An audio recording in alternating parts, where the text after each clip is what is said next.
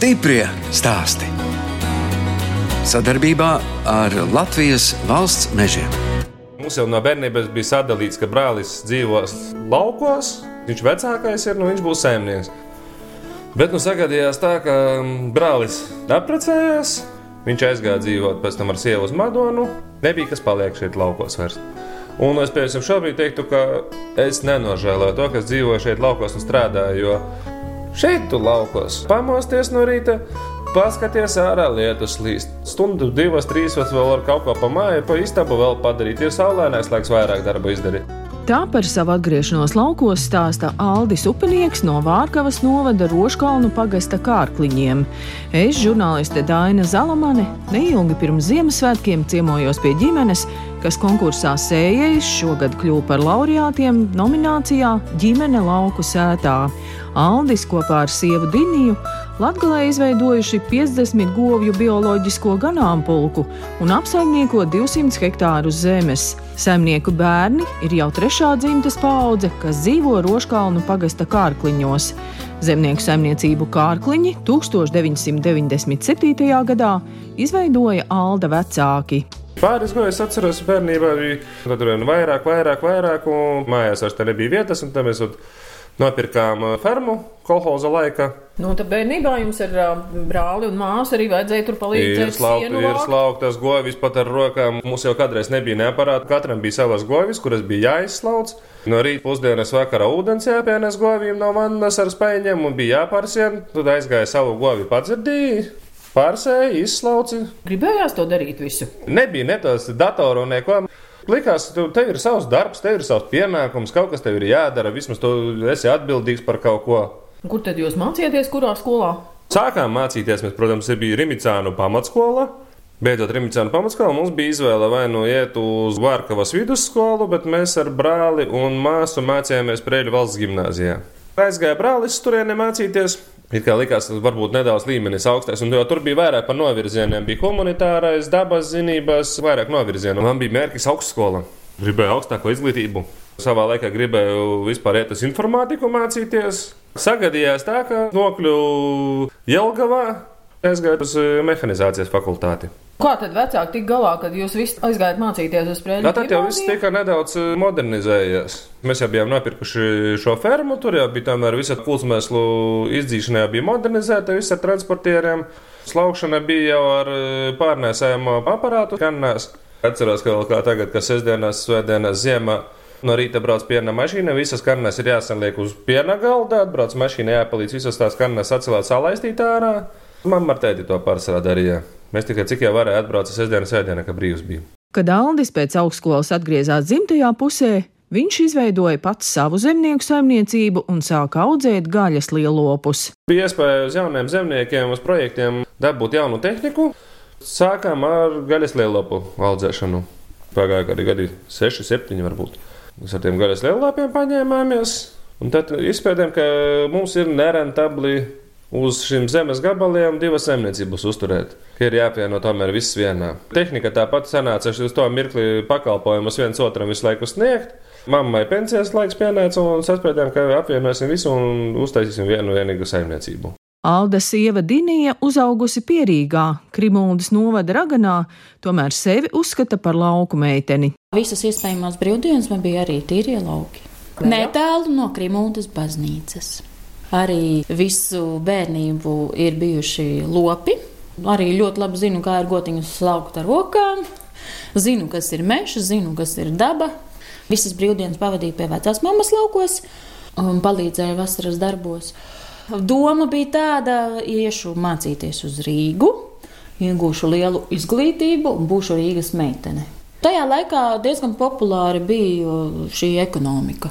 Bija brīdis, kad es strādāju arī Rīgā pašvaldībā. Aldi un Diniju iepazīstināja Alda māsa, ar kuru kopā Dinija Rīgā mācījās grāmatvedību. Upanieku ģimene pirms 12 gadiem uzcēla jaunu divstāvu dzīvojamo māju, un tās pabeigšanai par godu rīkoja balli. Kā parasti ir ierasts, ka uzceļ māju, vajag mājas iedancošanu. Sabrauc radi, draugi, paziņas. Iepriekšējā vakarā pirms mājas iedancošanas Galdim paliek slikti. Temperatūra Aizrāja Aldi uz uh, Prēļiem uz slimnīcu, atklāja raklā zarna. Naktī 12. Aldi operē. Nākamā diena ir mājas iedancošana vakarā. Māsa kādreiz bija sarunājusies draudzē, atbrauksniet ciemos, un tad tā arī Dienā nācās kļūt par Alda personīgo šoferi, kas izņēma Aldi no slimnīcas un atveda mājās. Pagaldi, bet vai te pēc aklā zarnas nākamā vakarā uzreiz laiž ārā? Nelaiž pat izlaist. Viņš mācīja ļoti labi parādīt, cik viņš labi jūtas. Es... Bet es vispār tiku paņemts par šoferi tikai trauku vizināšanai, bet piespēlēja man arī, kad jāved ir uh, Alda māsas brālis. Tagad no mūsu krustojuma tuvākā līdz prēļiem ir asfalts. Tajā laikā asfalta nebija. Es atceros, cik viņš varonīgi, plati smaidīdams. Kā te jūs tad dancojāt ar vēl tajā vakarā? Nē, man bija iznest ārā krēsliņš, es lielākoties pavadīju uz krēslā. Otrā vakarā jau nedaudz vairāk sāku kustēties. Latgaļu čaļi, teikšu, kā ir, ir ļoti aktīvi. Un man, kā Rīgas meitenei, atbraucot uz Latviju, es biju diezgan pārbijusies. Un vienīgais adekvātais vīrietis, pie kura varēja paglāpties, es saprotu, ir Aldis. Un Aldis tajā... bija piekrišana, jā? Ja? Jā, nu tajā reizē teikšu, kā bija, teica, svaiga gaļa. Pie Aldas animas tā atradu tā mierīgāku to vietiņu un sapratu, ka tur es varētu rītu sagaidīt. Drošības sajūta jau radās jau no pirmajiem iespējām. Nu, kā jūs tomēr nebiedējat tas, ka tā vārkava tomēr ir diezgan tālu no Rīgas? Oi, tur ir atkal cits stāsts. Tad, kad es pirmo reizi braucu uz Latviju, bija tas uh, knišļu uzlidojums Latvijā. Govs jā, jā, jā, jā, un es atceros, ka tajā reizē es arī skatījos pa ziņām, ka govis apkritušas, un, protams, kā to visu arī ziņās tā parāda, visu no tās um, sliktākās. Jā, tieši tā, un es tajā reizē arī es atceros, ka es braucu ar autobusu, un es domāju, ārprātus, kurien es braucu. Bet atbraucot uz šītieni, es secināju, ka tam visam ir. Tik traki nemaz nav, vai ne? Pat ticēt nevar tam visam. Šeit jau Nav reāli neviena neapkopta plekīša. Katrs plekis ir izpļauts, te ganās govis. Es atbraucu 29. jūnijā. Pēc tam es braucu atpakaļ uz Rīgu strādāt, un augustā man bija paredzēts atvaļinājums. Bet tad man sanāca tomēr vienu sestdienu vēl vajadzēja atbraukt. Un tad tur arī te visa ceļa tā sagriezās, kad es visu atvaļinājumu, visu augustu atbraucu šeit dzīvot. Nu, redz, kāds tas aldis bija? Jā, nu, sagrieza man to prātu tik traki. Viņš mācīja to Biju, visu pasniegt. Jauns, glauns, skaists. Forši pašai nav kaut kādas latgaliešu saknes, jo jums arī tāda tumšmate un kaut ir, kas varbūt polis. Jā, jo man tētis esot no spaģiem. To, ka viņai ir latgaļu asinis, viņa uzzināja tikai pēc tam, kad bija aizbraucis pie viņas uz mājām. Un izrādījās, ka viņai tētis ir no ambeļiem. Aldi, jūs novērtējāt, kā Dinija jūsu dēļ mainīja visu savu dzīvi?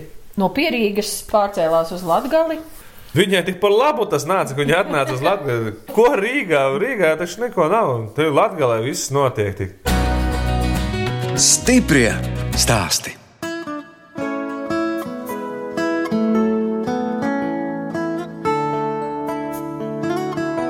Jūs klausāties raidījuma stipri stāstī. Turpinu ciemoties Vārkavas novada Roškalnu pagasta kārkliņos pie Alda un Dinijas upeniekiem. Kopā ar saimniekiem aizbraucam uz bijušo kolhoza fermu, kas tagad pārbūvēta. Saimnieki bioloģiski audzē 50 piena govis. Kad ieejam piena telpā, kur atrodas nerūsējošā tērauda piena tvertne, Aldis pa telefonu nosūta datus. Ir jānodod mums ziņas, cik ir nodots. Tā mašīna paņem, viņa atstāja man čekus un pavadzīmi, un es jāizsūta katru dienu piena daudz. Tā, un pat datoru nevajag, jā, visu var telefonā izdarīt. Es viņam aizsūtu un visu viņa pieregistrēti. Tas ir mumu. Kūtī skan mūzika. Jā, mums ir labāka piena ražošana notiekās. Viņam arī tomēr patīk.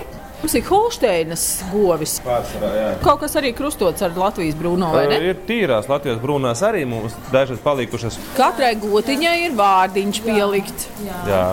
Un tas ir grūtākais, ko izdomāt. Katru reizi, kad dzimst jaunu teļiņu, kaut ko jaunu jāizdomā, lai nav vienādi vārdi nesanāk. Bet tur nevajag tā kā mammai pirmais, tad uh, meitai arī uz tā paša, paša burtiņa. Uz tā paša burtiņa. Nē, nu mēs jau šobrīd jau sākam nedaudz arī mainīt. Jo vienu brīdi bija daudz burtu B un M, man liekas. Balle. Jā, Jasmīne. daudz, daudz visa kā mums. Ekstāzes, kas, kas te mums nav? Arī raksturs ļoti atbilst vārdiem. Un kāda ir mākone? Ļoti mierīga. Kā pa gaisu nevaram saprast, kā vajadzētu tā kā iet ciet. Viņa vēl tā kā grib meklēties. Arī mums bija tāda gotiņa niķīte. Viņa nevarēja saprast, ir grūsna, nav grūsna, grib slaukties, negrib slaukties. Ārā arī izlaižot tagad. Vasarā. Vasarā jā. Tikai, ja?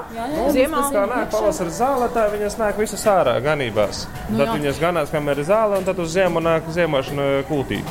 Tagad jau arī ir daudz tās nepiesietās turēšanas kūtis. Mēs nevaram šajā fermā neko arī nepiesietu turēt. Mērķis ir varbūt, ka celt jaunu fermu, kur nepiesieto turēšanu.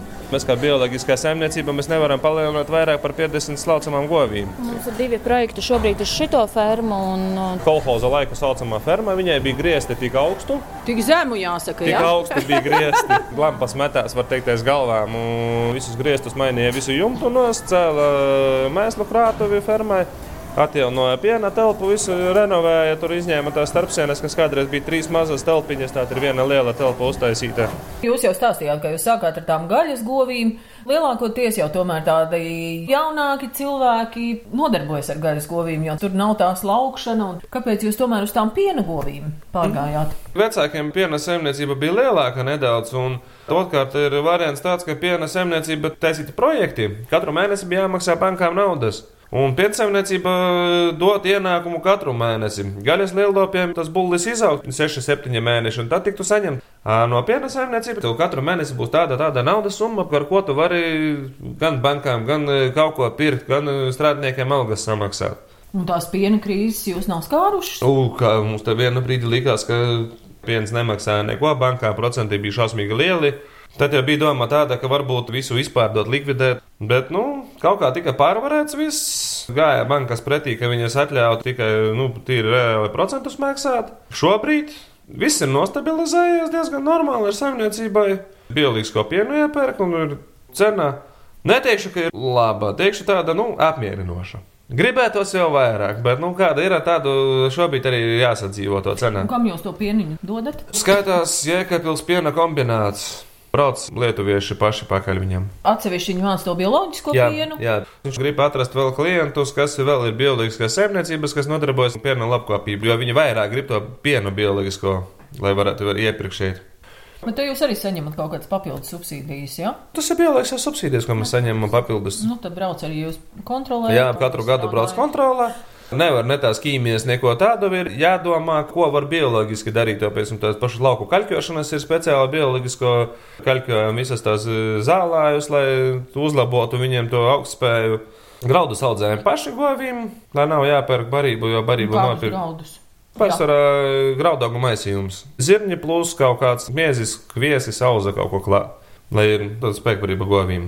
Zemes jums ļoti daudz nav, ap 200 hektāru pietiek tam 50 govīm, tad gan ganībām, gan sienām. Nu, govis tam mums ir 50, bet vēl jau jaunlopi ir ļoti daudz. Teļi jaunlopi, kas nāk klāt, jo te ap māju, tik skatoties riņķī, tas ir vienas vienīgas ganības. Šeit pie mājām nepļaujam ne sienu, ne graudus sējam. Graudi mūs ir projām. Graudus pārsvarā audzē tālākajos laukos, kas man ir kaut kādi kilometri 17, 20, 30 km attālumā. Un kā jūs sienu vācat?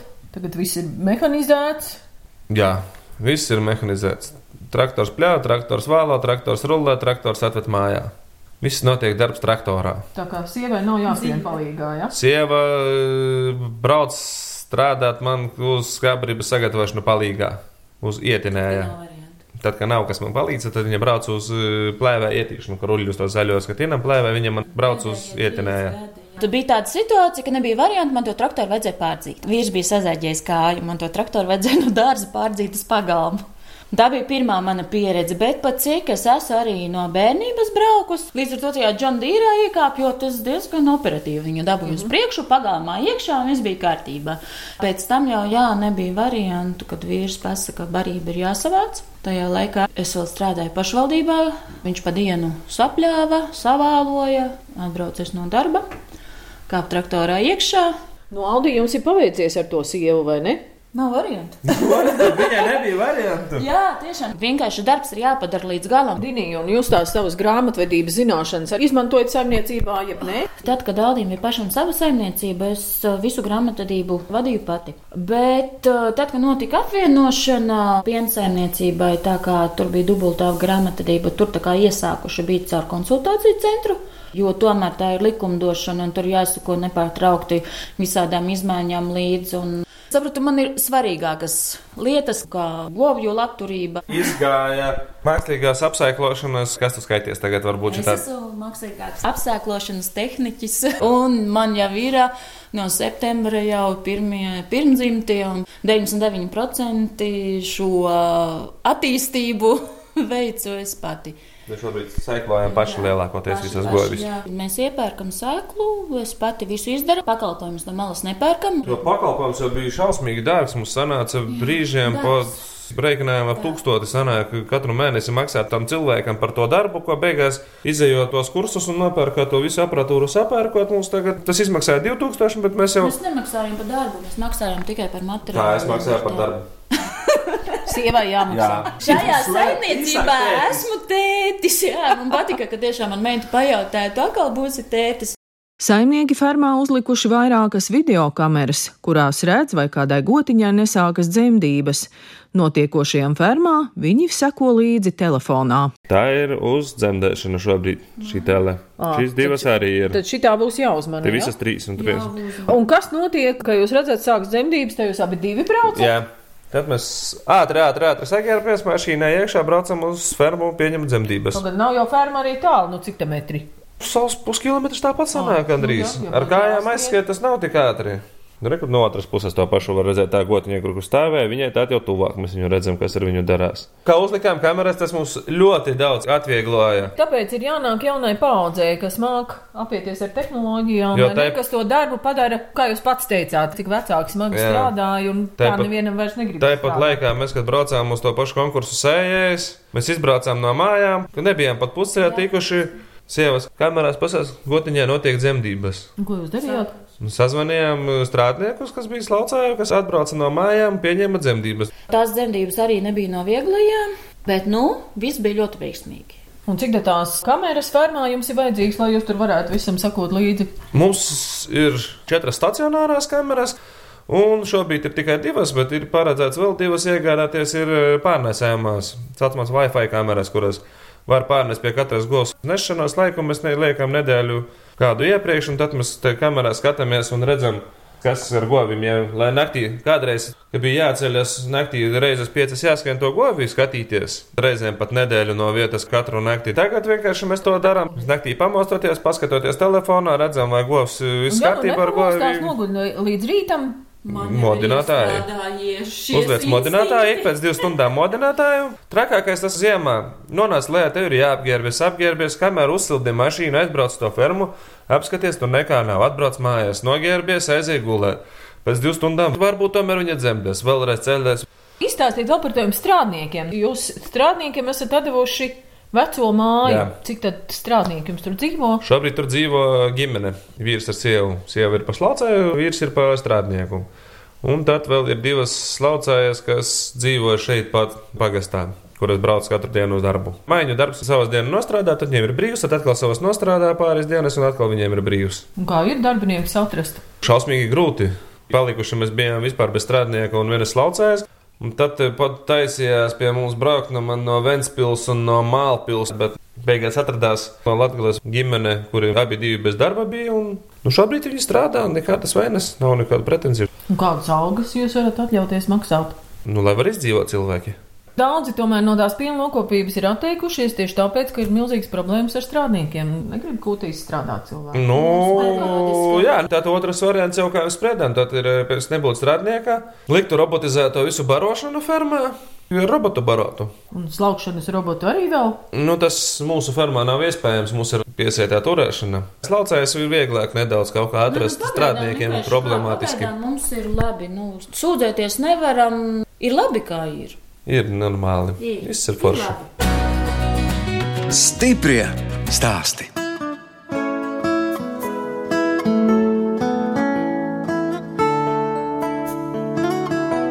Skan redzējums stipri stāsti. Šoreiz ciemojos Vārkavas novada Roškalnu pagasta kārkliņos pie Alda un Dinijas upeniekiem. Saimniekiem ir trīs bērni - meitas Madara Līga un Elīza, bet vecākais dēls Mārtiņš piedalās stāstnieku konkursos. Tikko arī sestdien Rīgā bija stāstnieku konkurss, kur viņš ieguva titulu Lielais stāstnieks. Tas ir tas pats galvenais. Galvenais ir ķēniņš, ah. bet tas nav maznozīmīgi, tāpēc, ka viņš jau ir tajā grupā, kur ir lielākā amplitūda un spēcīgāki tie dalībnieki. Ko viņš stāsta? Viņš mums ļoti daudz informācijas zina no kaut kur no interneta, no žurnāliem, no skolas. Viņam vajag vienkārši padot tematu. Un viņš izstāstīs tādus brīnumus, cik uh, haizivī zobu rindas ir. Tagad rudenī sanāk viņš parastajā stāstnieku konkursā, tad teci, teci valodiņa piedalās jau piekto gadu pēc kārtas. Un pavasarī ir tas anekdošu virpulis, kur arī viņš diezgan. Bet arī taču tikai 11 gadu vēl. Jā, bet viņš anekdotas, man liekas, zina vairāk nekā es esmu dzirdējis. Viņš žurnālos, viņš atnāk atrod žurnālā jaunu anekdoti, ko viņš nav lasījis, nolasa. Un tad jau klausās kaut kur, kaut kur jau viņš jau kaut kādā pasākumā kaut kur to anekdoti jau stāsta. Ir starp visādām rēpām, govīm un vārnām un kas tik tur nav. Mēs ļoti daudz ieguldam bērnos izglītībā. Bērni dejo tautu dejās, šobrīd dejo abas meitas. Man tagad vecākā meita ir 4. klasē, jaunākā meita 1. klasē. Un, jā, jā tā jums bērni mācās? Vārkavas vidusskolā. Lūkmalā, jā, jā, jā. Nu, cik kilometri apmēram? Kilometri desmit. 5 minūšu brauciens. Palaidām bērnu sprēļos uz mākslas skolu. Sāka no sākuma iet gan dēls, gan meita mākslas skolā, bet jūtu, ka dēlam ir eh, citas dotības. Un ar šito gadu es viņu palaidu arī mūzikas skolā. Sāk mācīties saksofonu. Jaunākā jau no tā bija bērnu dārzā. Nē, nu, ar sešiem gadiem viņa aizgāja man pirmajā klasē. Viņa pateica, ka tajā dārziņā tā kā jau sāk palikt pagarlaicīga, un viņa aizgāja man rudeņu skolā. Nu, māsa brauc iet uz skolu. Tieši tā, viņa skrien līdzi. Dinija, es pieļauju, ka jums tomēr arī liela dzīves daļa aizņem bērnu vešana turp un atpakaļ, un ja jūs jau sakāt mūzikas mākslas skola. Bērni katru dienu ir jāved uz sprēļiem. Vienīgais mums ir tāds savstarpēji vecāku kooperatīvs. Piemēram, šodien es vedu tikai mūzikas skolu. Rītdien jau tālu ir prēļi. 29. Bet katru dienu ir tā, ka mašīna brauc uz prēļiem. Jā. Šodien to aizvedīs bērnus, rītā es aizvedīšu tavus bērnus. Nu, redz, kurš tad bērns būs nākamais saimnieks, kuram tās gotiņas patīk? Cik Pat... es saprotu, laikam būs jaunākā. Jo bez tās ar traktoru aizbraukt es nevaru no mājām. Tad mums ir asaras un puņķi, ja es aizbraucu, pasaucu līdzi uz traktoru braukt. Viņi ar mani var atsēdēt traktorā visu dienu. Mamma atbrauks uz lauku, viņu paņemt, ka jābrauc tomēr mājās. Nē, es neguļu, es vēl braukšu, es visu, es vēl turpināšu braukt. Dēls arī kādreiz mēs braucām, mēs pat, pat haltūrām braucām ar traktoru, bet jaunākā ir, tur ir Tur ir sirds un dvēseli jau vispār ar lopiem kā tādiem, jo viņa vairāk iesaistās tajos darbos. Ja ies ārā un viņai brīvais laiks, viņa labāk atstās mācību grāmatas, bet ies labāk ārā. Tas notiek dabiski viss. Piedalās zivju ķeršanā. Atceros, kad es pirmo reizi ārprāts zivi noķēru un paskatos, viņi tikko bija sākuši steigāt, un tam bērnu un tās zivs tik astē ārā no butas. Viņai kā tāda zivi? Jā, bet nu, viņa tikai nobučot gribēja. Bet, nu, jā, mums jāturpina tēma par zivīm, jā, jo Aldi, jūs jau izstāstījāt, ka jūs esat makšķernieks. Jā, gadi divi atpakaļ vai trīs. Nē, esmu bijis jau tādā dzīvē. Šis gads ir bijis tā, ka varbūt, laikam, es varbūt vienreiz biju aizbraucis. Iepriekšējos gados pat stāvīgi braucām, varbūt katru nedēļas nogali. No rīta mēs aizbraucam zivīs, tad es uzzvanu sievai ar bērniem, viņi atbrauc uz Daugavu. Mēs laivā viņu savācām, aizbraucam uz salu, kur ir liela pludmale uz salas un atpūšamies to pusdienu pa to salu, paņemamies, papildām vēl kaut ko, un tad vakarā turpinam vēl zvejā līdz rītam nākamajam. Nu, lielākais loms bija kaut kā gadījās, kā nē, braucot ar laivu. Es saku, zars aizķērās. Tas bija vasarā, plus 30 pāri grādu bija karstums. Nē, zars kaut ko sāks pirināt pretī. Skatāmies, ka kaut kas nāk uz augšu pamazām, tur pamazām, pamazām, un beigās skatāmies, ir pusstundu nocīnījies, izvilku un nosērām 13,5 kg bija sams. Tad zvanīja sievai, viņa ar kaimiņiem ar mašīnu brauca meklēt mūs kaut kur pa Daugavas malu, kur var piebraukt. Tad mēs atradām vietu, kur var izlīst ārā satikties. Tomēr tās jūs nav tik viegli tos 13,5 kg viņu izstiept ārā. Un ko tad darījāt? Cepāt? Pārsvarā lielākoties viss sams aizgāja tādos steikos sacepts. Pēc tam tāda nedēļa ir brīvāka. Tā nedēļā varam aizbraukt uz Rīgu, varam aizbraukt mēs uz Dāngāpili kaut kādiem tarzāniem, vēl kaut kur izbraukāties ar bērniem. Bijām uz Siguldu Zairodījumu aizbraukuši atpūsties. Un kā to amatieru teātri? Ja nav kas tēlo, tad jūs piedalāties. Jā, jā izsauc īpašās reizes. Nu, mūs, jā, izsauca. Mūs reiz izsauca vadīt pasākumu, tad mūs izsauca kā viesmāksliniekus. Visa ģimene uzstājāmies, gan bērni, gan mēs. Izstāstiet par tiem dzimtas sajietiem. Tie tad ir Alda dzimtas sajieti. Jā, tas ir mana dzimtas sajēts, kas, nu, cik vien iespējams, katru gadu tiek rīkots. Pēdējos gados īrējam Rimicānu kultūras namu, jo šeit vietas visiem nepietiek, jo cilvēku Nu, salasās. Uz simtam pāri salasās, kas sabrauc visi ar savām ģimenēm, jaunajām, visiem, kas ir nākuši klāt. Galvenais, kad kāds to procesu sāk kustināt, tad jau aiziet. Bet tas pamats, tā galdu klāšana, un vietas izveide, un tas tā kā notika no mūsu puses. Tā kā mūsu redzējums skanēs pirms Ziemassvētkiem, kādas jums ir Ziemassvētku svinēšanas tradīcijas? Galvenais ir eglītes meklēšana kopā ar ģimeni. Jā. Jo mums jau pēdējos gados ir iestrādājies tā, ka mums ir baigi foršā vecākās meitas skolotāja, audzinātāja. Tagad jau ceturto gadu pēc kārtas tā liecība izsniegšana. Tad tajā nākošajā dienā mēs taisām lielo pasākumu. Pie Lielā Nīcgals lielā akmens tur ir uh, ģimenes ar visiem bērniem. Ir atrakcijām. rūki, brieži, Jā. barošana dzīvnieku. Nu, un tad svētdienā jau brauc to eglīti meklēt. Un Tad mēs kopā pušķojam, un tad ikgadēji kā nu sanāk. To vecgada vakaru tā kā ģimenes lokā, un pēc tam jau skatāmies pēc apstākļiem. Nu, mēs jau spriedām, ka jums ir palaimējies, kādi jums te forši kaimiņi un tādas skaistas mājas. Jā. Kaimiņš man ir brālēns. Abi divi no rīta satiekamies, katrs savā pagalmā, pamājam, sasaucamies, aprunājamies ar viņu. Tas simtu metru nav attālums. Izbraucam kopā ar viņiem kaut uz, uz pasākumiem, kaut kādiem. Ka Un ar vajag ko kaimiņi nodarbojas? piena lopkopība. Redz, arī tāpat kā jūs, nu tajā jums ir kaut kas kopīgs. Jā, pagājušajā gadā, kad viņi tie kooperatīvi to dibināja, piena, bet viņi nav bioloģiskie, tāpēc viņiem ir savādāk. Te pārsvarā piena goja. Nē, ir gaļas lielopi, pārsvarā piens un gaļa. Ļoti reti, kurš šeit nodarbojas ar graudiem, jo diezgan smagnēja mums ir zeme. un Tāds, var teikt, nepārāk rentabls.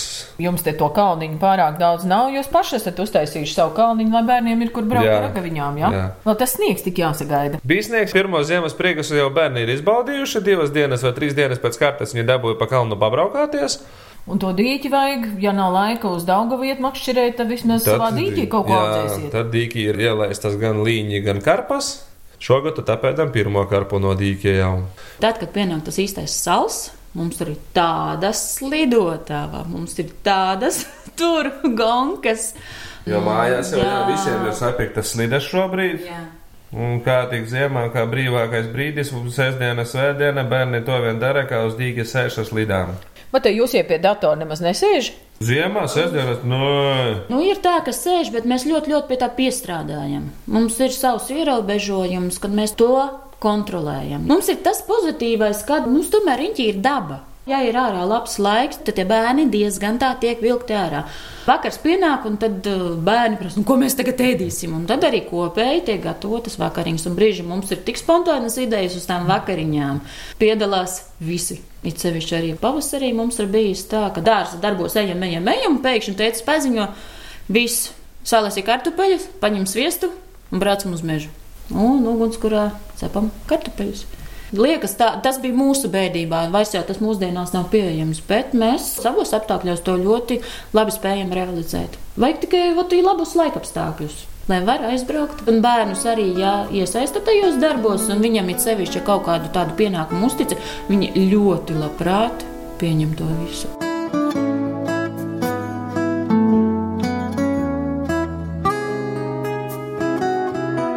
Radījums stipri stāst izskan, un es atvados no Alda un Dinijas upeniekiem, kas Vārkavas novada Roškalnu pagasta kārkliņos, bioloģiski audzēja 50 piena govis, un šogad konkursā sējais kļuva par laureātiem nominācijā ģimene lauku sētā. Kārkliņos dzīvo trīs dzimtas paudzes, saimnieki audzina trīs bērnus, un arī paši ir sabiedriski aktīvi cilvēki. No jums atvedās žurnāliste Daina Zalamane un operātora Inga Bēdelē, vēlot gaišus un mīļus Ziemassvētkus. Tiksimies atkal tieši pēc nedēļas!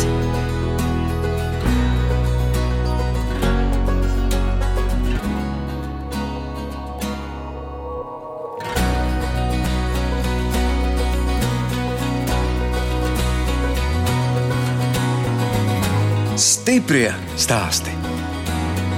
Sadarbībā ar Latvijas valsts mežiem.